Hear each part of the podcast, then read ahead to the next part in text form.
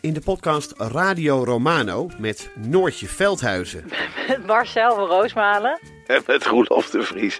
brengen we alle drie elke week een zogenaamde signalering mee. Wat heb jij nou weer bij je? En aan het eind bepalen we wie de winnaar van de week is. Echt een angstcultuur Lege huls die je er bent? Ja, dat gaat eigenlijk altijd onvriendelijk.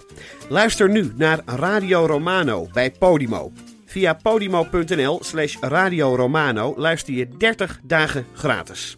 We leven in een wereld vol problemen. Het milieu gaat kapot. Burgers radicaliseren aan de lopende band. Poetin is een dictator, Biden is dement, Trump is een crimineel. En de tuin van Huberto Tan schijnt een zootje te zijn. Dus dit is het moment voor twee comedians, Vera van Zelm en Sander van op Zeeland, om de wereld te veranderen. Alles moet anders. Alles moet anders.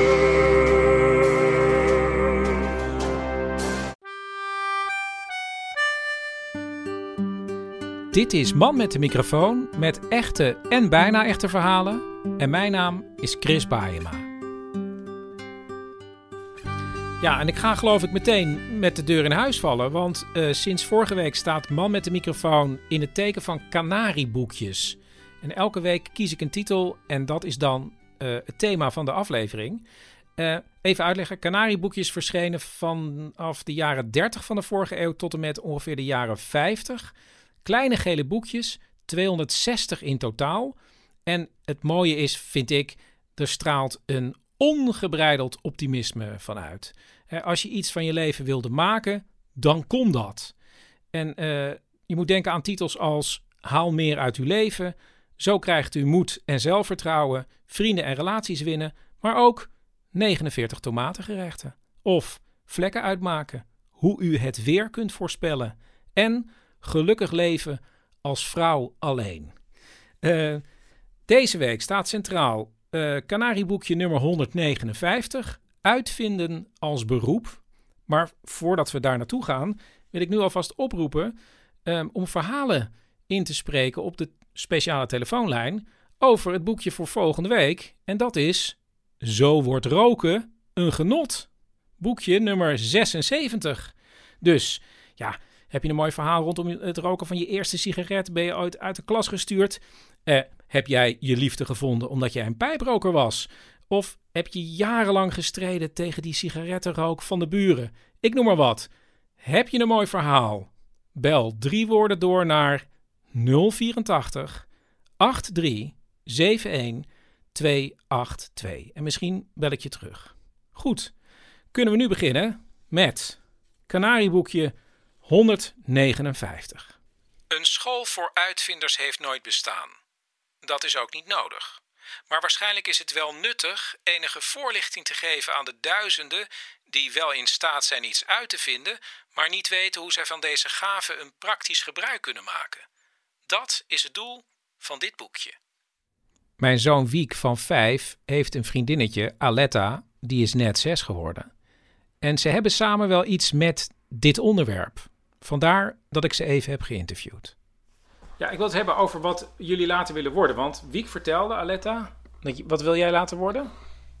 Eh, ik wil graag uitvinder worden. En jij wil ook uitvinder worden, toch? Ja, we willen ook bij uitvinder worden. En wat we ook willen is samen uitvinder worden. En wat willen jullie dan uitvinden? Dat weten we nog niet. Maar we hebben een keer een kunst, wat kunstwerken gebouwd. En daar moet het op lijken. Wat waren dat voor kunstwerken? Nou, eigenlijk hebben we auto's gemaakt, een soort woefauto's. En nou willen we dus zo'n auto maken. Hoe ziet een woefauto eruit? Nou, gewoon, het is, stel je zo'n monstertruck voor, met een soort oog. Dan moet je daarachter een kiepbak voorstellen, een takelwagen. Alles wat, wat je maar bedenken kan. Ik zal vertellen waarom ik dat wil. Omdat ik er heel veel van dingen maken hou. Ik heb zelfs thuis een werktafel, kan ik even oefenen. Wauw, maar je wil al heel lang uitvinder worden. Ja? En ken je ook uitvinders? Heb je er wel eens over gelezen? Nee, niet heel vaak. Ik Maar hoe weet je niet. dan wat een uitvinder is? Omdat ik het een beetje vind klinken als kunstenaar. Maar dan is het, lijkt het meer op iets met heel veel moeilijke dingen. Ja, en dat klinkt eigenlijk helemaal niet zo gek. Want ik ken een kunstenaar die ook uitvinder is. En dat is John. En John heeft onder andere voor Paulien eh, decorstukken gemaakt. En voor mij, bij een voorstelling op een rondvaartboot, had ik een zogenaamd afluisterapparaat nodig. En dat heeft hij ook ontworpen en gemaakt. En ik bezoek John in zijn atelier vol met kunst en uitvindingen. John, hoe begon het bij jou? Ik zal het je vertellen. Ehm, hoe begon het? Het is eigenlijk nooit opgehouden. Is het ooit, ooit begonnen? Ik weet het niet. Ik, Wat ben- voor jongetje was je? Ehm, ik denk dat ik een ontzettende lastpak was, eigenlijk. Ik ben op mijn zeventiende van huis uitgegaan, want ik hield het daar niet meer uit. Mijn vader was een kolonel en mijn moeder was een schat, maar niet zo slim. Het was een vreselijk huishouden, dus ik ben echt gewoon op mijn zeventiende weggelopen. Dus veel opleiding heb ik niet gehad, eigenlijk. Ik ben nu bijna tachtig. Ik zeg altijd, nou, als je geen jeugd hebt gehad, heb je ook geen ouderdom. Tot nu toe heb ik gelijk. Omschrijf de sfeer in huis. Eh, streng en eh, wie niet werkt zal niet eten. En, eh, ik, ik wilde, toen ik op de middelbare school zat, wilde ik naar de academie, maar dat mocht van mijn vader niet. Want over de hoofden van kunstenaars kon je lopen, zei hij. maar goed, uiteindelijk, vele jaren daarna ben ik toch naar de academie gegaan voor een paar jaar. Maar zelfs daar hield ik het niet uit. Een echte uitvinder is natuurlijk ook een beetje een dwarsdenker en misschien ook wel een dwarsligger. En in het boekje Uitvinden als beroep staat er ook iets over de karaktertrekken van een uitvinder. En dat is eigenlijk ook wel van toepassing op John. Want er moet allereerst een wil zijn om uit te vinden. En mensen moeten de uitvinding ook echt nodig hebben. Zoals Johns allereerste uitvinding. Ik moest eh, op mijn 19 al in militaire dienst. Ik werd gewoon uit een kaartenbak getrokken en ik werd opgeroepen, gekeurd. Ik kwam bij de marine terecht, bij de verbindingsdienst. En dan mag je dus s'nachts, als je wacht loopt op de brug, mag je niet roken. En ik was een eh, ontzettende roker. Ik was echt verslaafd in die tijd. Dus toen heb ik, van, heb ik een eh, verduisterd rookapparaatje gemaakt. En dat was zo succesvol dat zelfs de officieren van de, van de wacht, die liepen dan zo te benen. Hé, hey, Seiner, sta jij te roken, jongen? Ja, meneer. En wil je dat wel eens laten? Ik zeg, meneer, ik ben voor de vijand niet zichtbaar. Laat eens kijken, kom eens even, laat eens even zien. Dus het was een filmroldoosje. Je had in de tijd van die aluminium doosjes. Dan had ik een schoorsteentje aangemaakt en een mondstuk. Dus dan stak ik mijn checkje aan, schoof ik dan in dat huisje, schoorsteentje erop en dan stond ik zo te paffen. Terwijl al die gasten zich stonden te verbijten omdat ze ook wilden roken, stond ik, stond ik dan lekker. Dat is de eerste die ik me kan herinneren. En er was ook interesse in. Ja, maar er was niet veel materiaal natuurlijk. In het Canarieboekje staat dat het wordt aangeraden om een uitvinding te doen binnen een, eh, ja, een vakgebied of een terrein waar je zelf al veel kennis van hebt. Maar, en dat is ook heel belangrijk, in het boekje staat ook het volgende. Of schoondeskundigheid noodzakelijk is om te slagen met een uitvinding, heeft zij ook een keerzijde. Deskundigheid is gelijk aan een lamp die het te verrichten werk zeer goed verlicht. Maar een uitvinder moet vooral niet te lang in die lamp kijken, anders wordt hij erdoor verblind. Het gevaar van deskundigheid, ook heel goed. Ja, je, je moet je niet blind staren. Alsof je in een lamp Ja. staart, zeggen ze Ja, dan. ja, ja, ja, is ook zo. Ja, is ook zo. Als je te veel weet, dan... Klopt. Ik vroeg me af laatst, en dat is een, een puzzel die ik jou mee zal geven. Wie ziet meer? De pijl of de schutter? Moet je maar even op kouwen. Ik ben er nog niet uit. Ik denk dat het een onzinvraag is. Maar het heeft, waar komt die vraag vandaan? Dat kwam bij me op. Kijk, de ene die maakt een lange reis en ziet heel veel. Maar geeft dat voldoende ehm, eh, aanknopingspunten voor het verwerken van die gegevens? En de schutter, die heeft de boog gekozen en de pijl. En die zijn er voor verschillende soorten, voor verschillende doeleinden. En de pijl is, ach, die gaat maar en hij vliegt maar. En hij ziet een boel. Maar wat heeft hij daaraan? Het gevaar van deskundigheid. Voor een uitvinder is het ook belangrijk dat hij al weet wat er uitgevonden is, zodat hij kan voortborduren op andere ideeën. Ja, ja, ja, wat er al is, ja. En je moet ook weten wat er al is om te zorgen dat je niet iets bedenkt wat al bestaat.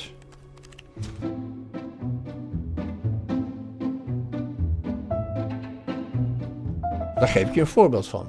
Ik heb hier in de kast liggen een doos en er staat op fietsjas. Dat is in de jaren 80.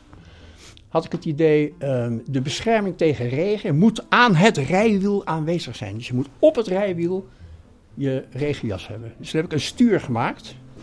Een stuur bestaat meestal uit een buisje van 2,5 centimeter. Die was dikker. En in die verdikking zat een klep. En als het ging regenen, dan remde je even. Je deed de klep open.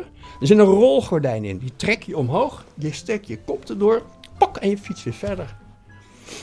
En daar heb ik een octrooi voor aangevraagd. Ik was toen straatarm, dus ik heb van alle kanten geld geleend. 2000 gulden was dat. Een week niks gegeten, niet gesopen, geen koffie gehad. En toen had ik een octrooi, dat wil zeggen een aanvraag. En toen kreeg ik het bericht dat ik moest op het octrooiraad komen. Dat was in de tijd in het WTC. En er zat een meneer, die keek mij zuur aan. Die zegt, bent u meneer Tamars? Ik zeg, ja. Bent u de aanvrager en indiener van octrooi 1, 2, 3, 4, 5? Ik zeg, ja, ja. Dan heb ik voor u slecht nieuws. Ik zeg, wat is er? Hij zei, nou kijkt u maar hier. En ik kwam met een vel papier en er stond precies wat ik had bedacht en had gemaakt. Is al in Parijs uitgevonden in 1880 door een meneer. En die had er een octrooi op. Ik was zo zuur en verbitterd, ik heb het in de kast gegooid. Al het geld weg. Als u uitvinder wilt worden, moet u zich weerhouden van de twijfelachtige neiging om de tafels van vermenigvuldiging nog eens uit te vinden, of met iets anders dat al lang uitgevonden en geperfectioneerd is, van vooraf aan te experimenteren. Het is van het grootste belang voor uw succes als uitvinder om te beginnen met lezen. Veel te lezen, boeken, vakbladen en patentliteratuur. Schrijf in uw agenda dat u als uitvinder met lezen moet beginnen.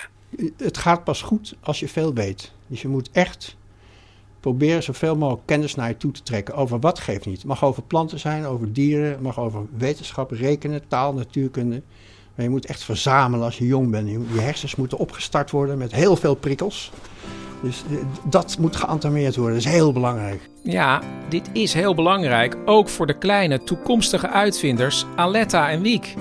En ik vraag me af, hebben zij zelf eigenlijk ook nog tips? Nou, je moet heel goed kunnen knutselen en dingen maken. Want anders kan je niet zo goed uitvinder worden. Want als je dat wil, dan moet, moet je wel iets weten van knutselen. Nou, weet je wat je ook moet doen? Je moet niet, zo, je moet niet iemand zijn die zo van...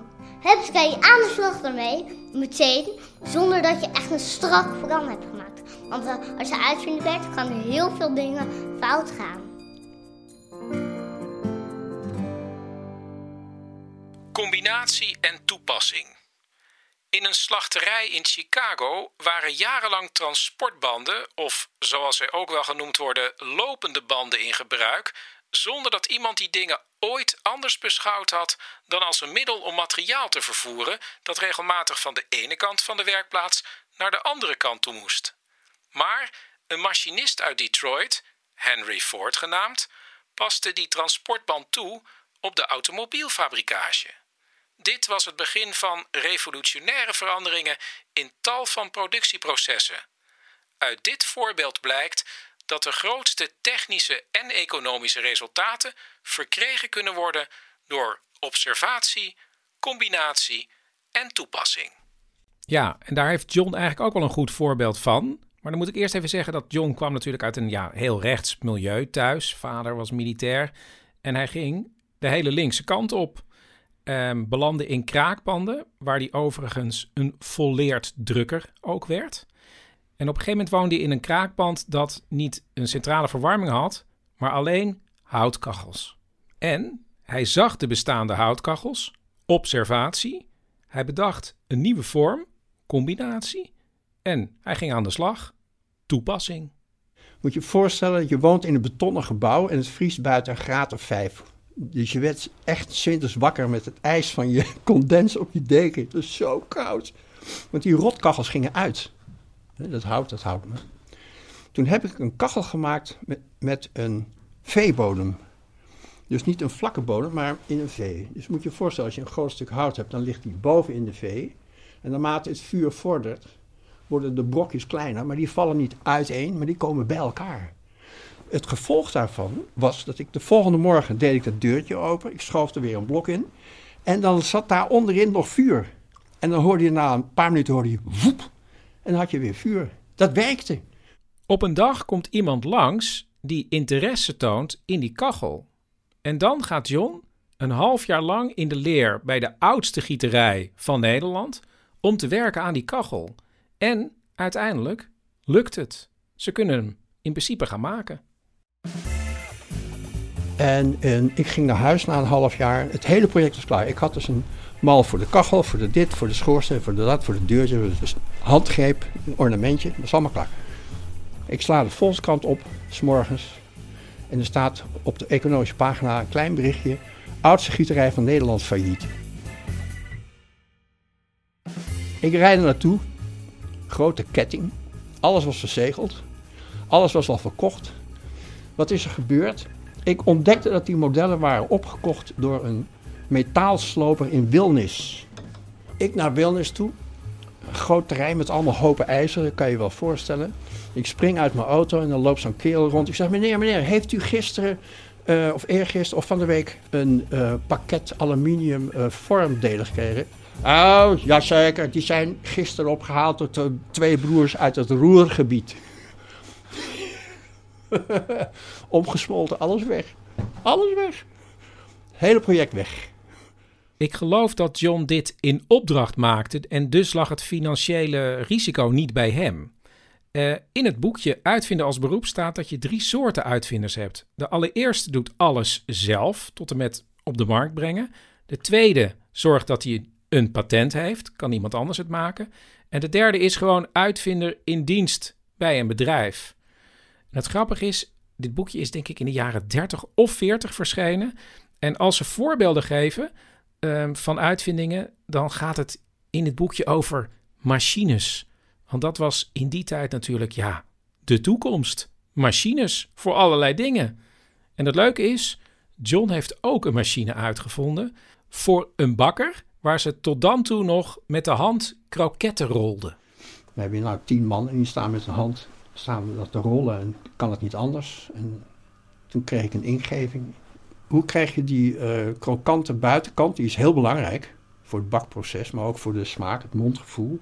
Hoe krijg je dat zonder handenarbeid daarop? En ik dacht, ja, je moet het eigenlijk lijmen. Hè? Hoe doe je dat? En ben ik gewoon gaan proberen. En het blijkt dat druk en tijd samen de oplossing bieden. En inderdaad, ik had een kastje gemaakt. En daar ging paneermeel in en een kroket. En daar ging pan paneermeel overheen. En als je daarop drukte, je telde tot 20 en je haalde dat dekseltje eraf, dan was die prachtig gepaneerd. En dat heb ik gemechaniseerd. En dat heeft jaren gedraaid. Ja, mooi was dat. Ik heb het niet gemaakt, ik heb het getekend. En we zijn toen naar een fabriek gegaan waar ze roestvrij staal verwerken. Dat kan ik niet. En die mannen moesten even nadenken. Ik moest het ze uitleggen. Dus vanuit mijn hoofd ging het naar hun hoofd. Is het gemaakt en het werkte. Dat is leuk.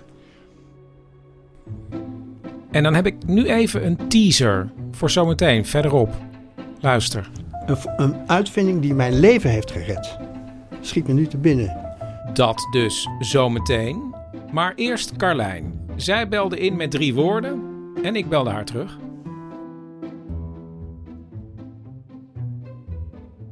Toen ik die oproep hoorde en uitvinden, uh, uh, toen moest ik meteen denken aan mijn vader, die in juli is overleden.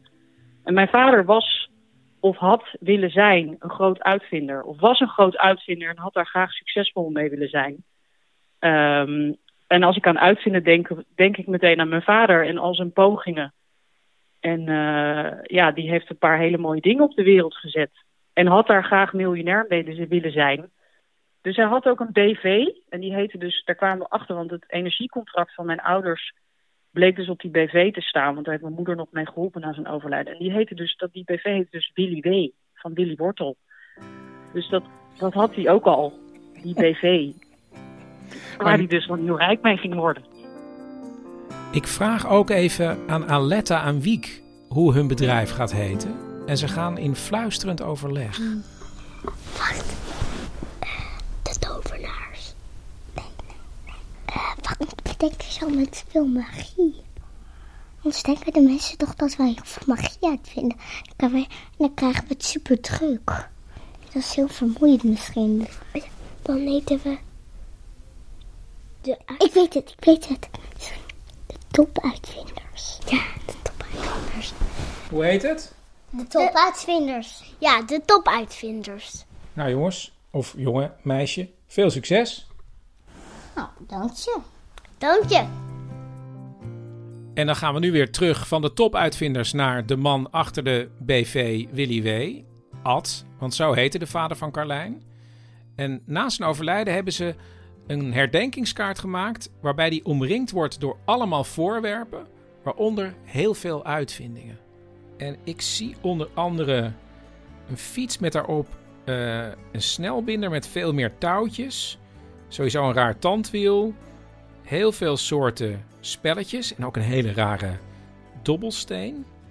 Een, een, een wijnfles met een soort ballonnetje, dat schijnt een soort vacuvin te zijn. En ja, hij was niet echt professioneel uitvinder. Maar wat was hij dan? Hij was wiskundedocent en eh, ja, hij was ook altijd bezig met. Dus hij heeft spellen ontworpen.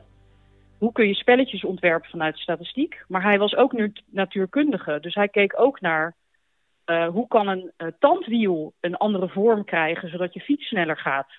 Daar was hij vrij snel met, vrij ver met patent. Toen bleek dat wat er bestaan maar nog niet op de markt gebracht te zijn. Dus hij had wel iets ontdekt wat er nog niet was.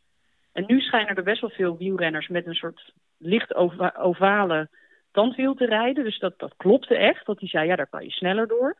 Dus hij was altijd bezig met de kennis die in zijn hoofd, en dat was er veel te veel. Hoe kon hij dat inzetten om uh, ja, dingen anders of beter te maken? En uh, hoe reageerde hij trouwens over dat tandwiel toen dat al bestond? Nou, volgens mij zag hij dat wel als een bevestiging dat hij juist zat. Oh, dus hij was dus... niet teleurgesteld van, oh, daar gaat nee, het patent? Nee, nee. Dat vond hij ergens ook wel... Uh... Nee, maar daarom wilde hij... Hij zei altijd miljonair, maar het was een beetje grappig. Want hij was heel gelukkig met waar hij was. Dus het was het uitvindingsproces is leuker dan het succes. Ja, maar zei je tegen vriendjes en vriendinnetjes... mijn vader is een uitvinder? Nee, ik schaamde me natuurlijk ook heel vaak daarvoor. Hè? Als je vader wiskundedocent... Ja, nu niet meer. Oh, ja, Toen ik ja. 16 was wel. Nee, maar goed, het, de allerergste uitvinding waar, die je niet graag vertelt op verjaardag... en waar mijn vader dan wel over vertelde... dat was een uitvinding toen hij uh, darmkanker had. Toen moest hij een tijdje een stoma. En hij had heel veel... Hij vond het heel vervelend als je die uh, zakjes moest legen... want dat is niet iets wat je eenmalig gebruikt en dan weggooit. Dat was een hele vieze aangelegenheid. Best wel gedoe om dat te legen. Um, nou, dat vond hij vervelend. En toen heeft hij dus een soort apparaat bedacht waarmee je een soort leeg kon schuiven. Nou, je kan je heel goed voorstellen, mijn vader was nou ja, op het autistische af, ging hij dan op verjaardagen dat tegen Jan en allemaal vertellen. Dat op zich, uh, ja, vertellen hoe je makkelijker je poepzak kan legen met een apparaat, dat dat nou niet echt een heel smakelijk verhaal is voor andere mensen. Terwijl hij oprecht het idee had dat hij daar miljoenen mensen mee kon helpen. En dat was ook zo, want hij had ook uitgerekend hoeveel van die poepzakjes er dagelijks eigenlijk geleegd worden door mensen met een stoma. En is naar de patiëntenvereniging gegaan en daar was hij heel volhardend in. Uh, totdat hij zelfs bij een evenement uh, weggestuurd werd, omdat hij gewoon probeerde binnen te komen om te laten weten dat hij echt iets heel goeds had. Het was best wel gênant. Um, dus wat je zegt van ja, wat vertel je dan aan je vrienden of vriendinnen van is die uitvinder? Ja, als ik nu terugkijk, ik ben heel trots op wat, die, wat er allemaal uit zijn brein is ontsproten. Dirk, die ik vorige keer interviewde over de Sunlight fabriek, blijkt ook een vader als uitvinder te hebben gehad. En daar heeft hij een verhaaltje over geschreven. Nou, ik zal eerst een stukje proberen, hè? Ja, maar je moet gewoon, ja, lees maar gewoon voor. Het hoeft, ja, gewoon zoals je het voor zou lezen. Waar, er staan boven de uitvinder, maar dat, dat hoef ik zeker niet te zeggen. Dat zeg jij zeker. Dat zeg ik wel, de uitvinder. En de serie waar gebeurde verhalen, dat hoeft er allemaal niet bij. Ga maar gewoon lezen. Oké, jou, je kan nog wegstuffen. Ja, ik kan gewoon al knippen en plakken. Ja, nee, oké. Je, je kijkt maar wat je doet. Heel goed, ja. Ik ga beginnen. Ik zal ongeveer 14 zijn geweest toen mijn ouders verhuisden van de Emmerstraat naar een nieuwe wijk gelegen in Niemandsland. Dus nergens, maar naar horen zeggen ver in het zuiden van Vlaardingen. Het bleek een rottig eind fietsen door een stuk onbegaanbaar gebied en daardoor leek het net of dat je in een andere wereld was beland. Enkele jaren gingen voorbij en in de wijk werd langzaamaan alles groener, de bomen groter en voller met flats en dure koopwoningen. Ook het door mijn vader ingezaaide gras in onze tuin werd alsmaar hoger en hoger, dus moest er een grasmaaier komen. Nou wil het geval dat mijn vader een zeer vindingrijk man was. Het gras groeide hem letterlijk boven het hoofd en soms ook zijn vindingrijkheid. Na een paar dagen getimmer, gezaag en gevloek in het berghok kwam hij luid jubelend de huiskamer in met een heuse, eh, ja, uh, wat stelde het getoonde ding eigenlijk voor? We keken elkaar zwijgend aan. Dit is een elektrische grasmaaier, schreeuwde mijn pa triomfantelijk terwijl hij richting de tuin liep. Oh, riepen wij in koor en namen plaats voor het raam dat uitzicht gaf op onze tuin. Dirk, riep mijn vader, het verlengsnoer graag. Ik luisterde altijd meteen, anders waren de rapen gaar. De elektrische grasmaaier was geheel opgebouwd uit materialen die ik meteen herkende. Het onderstel van een poppenwagen van mijn zus, een motor van onze eerste snelwasser en een propeller uit de ventilator die zomers onze huiskamer koel hield. Toen de stekker in een stopcontact werd gestoken, leek het wel of dat er in de tuin een straaljager opsteeg. Alle buurtbewoners in de buurt stonden binnen een mum van tijd voor hun raam om te kijken wat er aan de hand was. Met duizelingwekkende snelheid sloeg de propeller het gras tot verse spinazie, wat zich middels het middelpunt der vliedende kracht vasthechtte op zowel mijn vader als ook op onze ramen. De ramen van de buren en die van omliggende wijken. Nou ja, de ramen van de omliggende buurtbewoners. Wij hebben ons die dag in ieder geval te prettig gelachen. En mijn vader, uitvinder als die was, zei ons toch optimistisch te zijn als hij het een en ander aan de maaier zou wijzigen. Na deze wijze woorden van mijn vader heb ik nog diezelfde dag mijn drumstel onder mijn bed verstopt. Wie weet wat hij daarvan zou kunnen maken. Super Dirk, dit is echt heel leuk. Goed zo. En dan is het nu tijd voor... Een, een uitvinding die mijn leven heeft gered. Ik was een verslaafd roker. Toen dacht ik, nou kijk, ik kan niet vechten tegen die verslaving, want die is te sterk. Dat is bewezen. Daar hoef ik niet over na te denken. Maar kan ik niet een soort guerrilla uitvoeren? Kan ik niet één klein dingetje om hem dan langzaam zijn macht te ontnemen? En dat is gelukt. Ik was toen nog, ik kan nu zien wat er is ontstaan, maar toen dacht ik, deze ene wil ik niet roken. Ik wil een uur niet roken. Eén uur geen tabak, alsjeblieft, kan dat niet. Als ik daarna zoveel mag roken als ik wil. En dat lukte. In iets meer dan acht maanden is John steeds minder uur per dag gaan roken, totdat hij geen uur meer over had. En toen dacht hij: dit idee is iets voor meer mensen natuurlijk. Ik dacht, nou, ik ben niet in staat om dit uit te rollen, zoals dat heet in reclametermen. Ik ga naar een arts. En die zei: Oh ja, ja, ja, oh ja, ja, ja, ja. En toen ik ging, toen ging de deur achter me dicht. Die man had het veel te druk.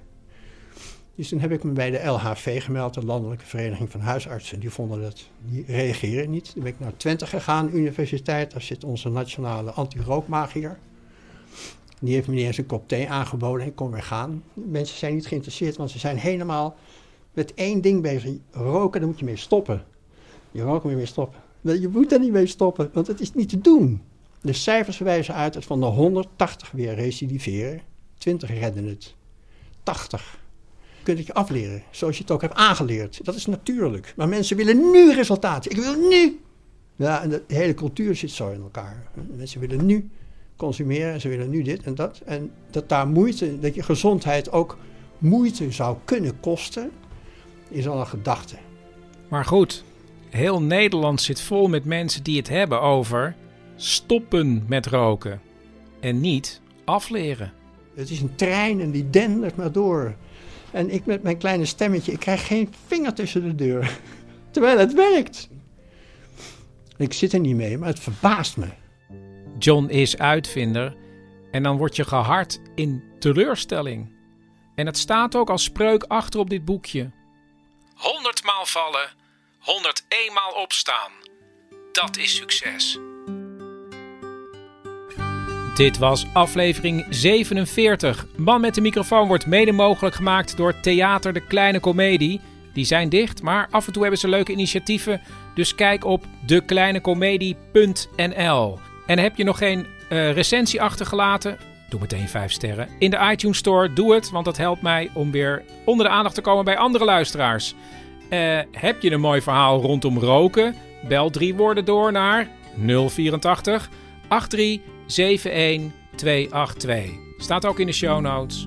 Tot volgende week.